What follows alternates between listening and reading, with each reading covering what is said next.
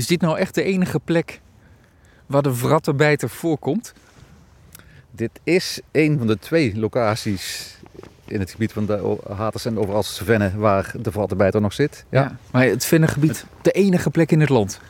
Ja, helaas wel. In het verleden waren er meer locaties in Nederland uh, waar de vrattenbijter zat.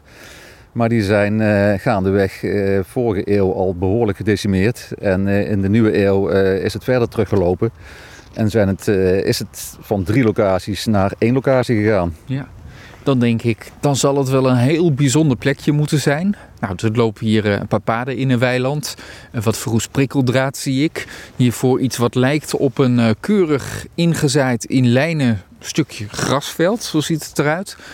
En daarachter iets wat, wat op heide begint te lijken. En daar nog een strookje met uh, oude zaden enzovoort. Kruiden waar de patrijs zich nog een beetje thuis zal voelen. Dat is ongeveer hoe het landschap er in mijn beleving uitziet.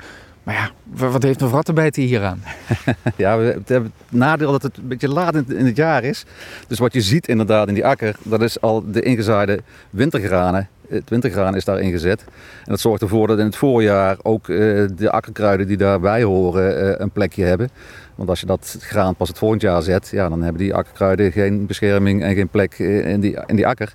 En, en wat je dan ziet inderdaad is een, een, een, een akker, maar een hele bijzondere akker. Want dit is een van de betere en mooiere akkers van Gelderland. Met, de, met bijzondere soorten als koren, sla.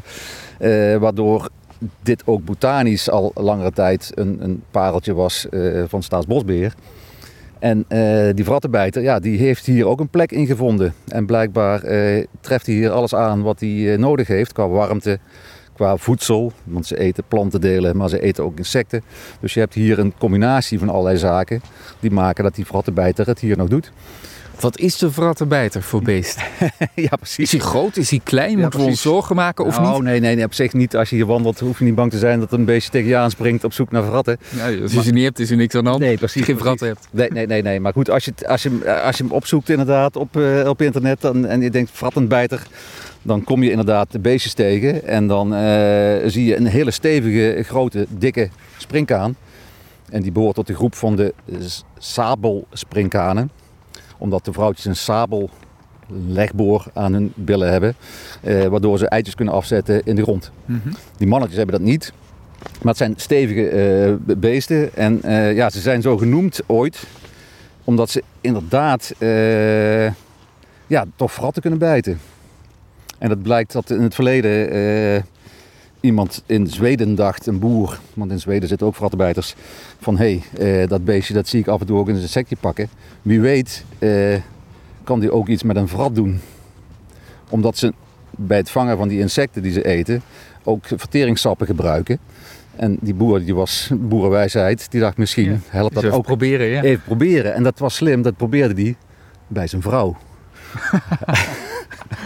dat was wel net zo handig natuurlijk. Hier zouden we ook de hele ochtend over kunnen praten. Daar kunnen we de hele ochtend over doorpraten. maar wat we nog verder een keer gedaan hebben is uh, uh, dat de buurjongen had bij mij ook uh, behoorlijk wat, wat fratten. En die vond het wel leuk om een keer mee te gaan. En ook een keer voor wat wat tv-beelden is die toen uh, uh, lokaal gebeten door de vrattenbijter. En die begon inderdaad aan die vrat te kauwen. Ook als afweer waarschijnlijk, maar die dacht ook van hé, hey, dat is vlees. En die kauwde daar flink op. En die jongen beweert nog steeds dat twee weken, drie weken later de vrat verdwenen was.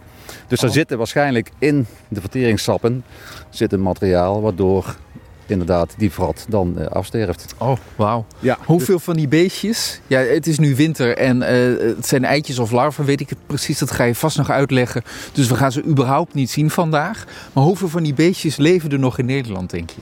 Nou, als we richting de 200 gaan jaarlijks, dan mogen we blij zijn. Dat zijn er veel te weinig. Dat zijn er veel te weinig. In principe zou je er liefst veel meer willen hebben. In de hoogtijdagen, hoeveel waren er toen?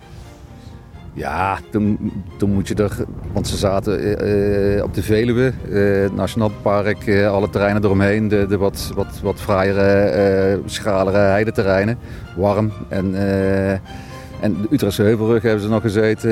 ze hebben in Brabant op een locatie gezeten. aan de kust ze hebben ook nog wat plekken gezeten. Dus ja, dat zal om duizenden zijn gegaan in die periode.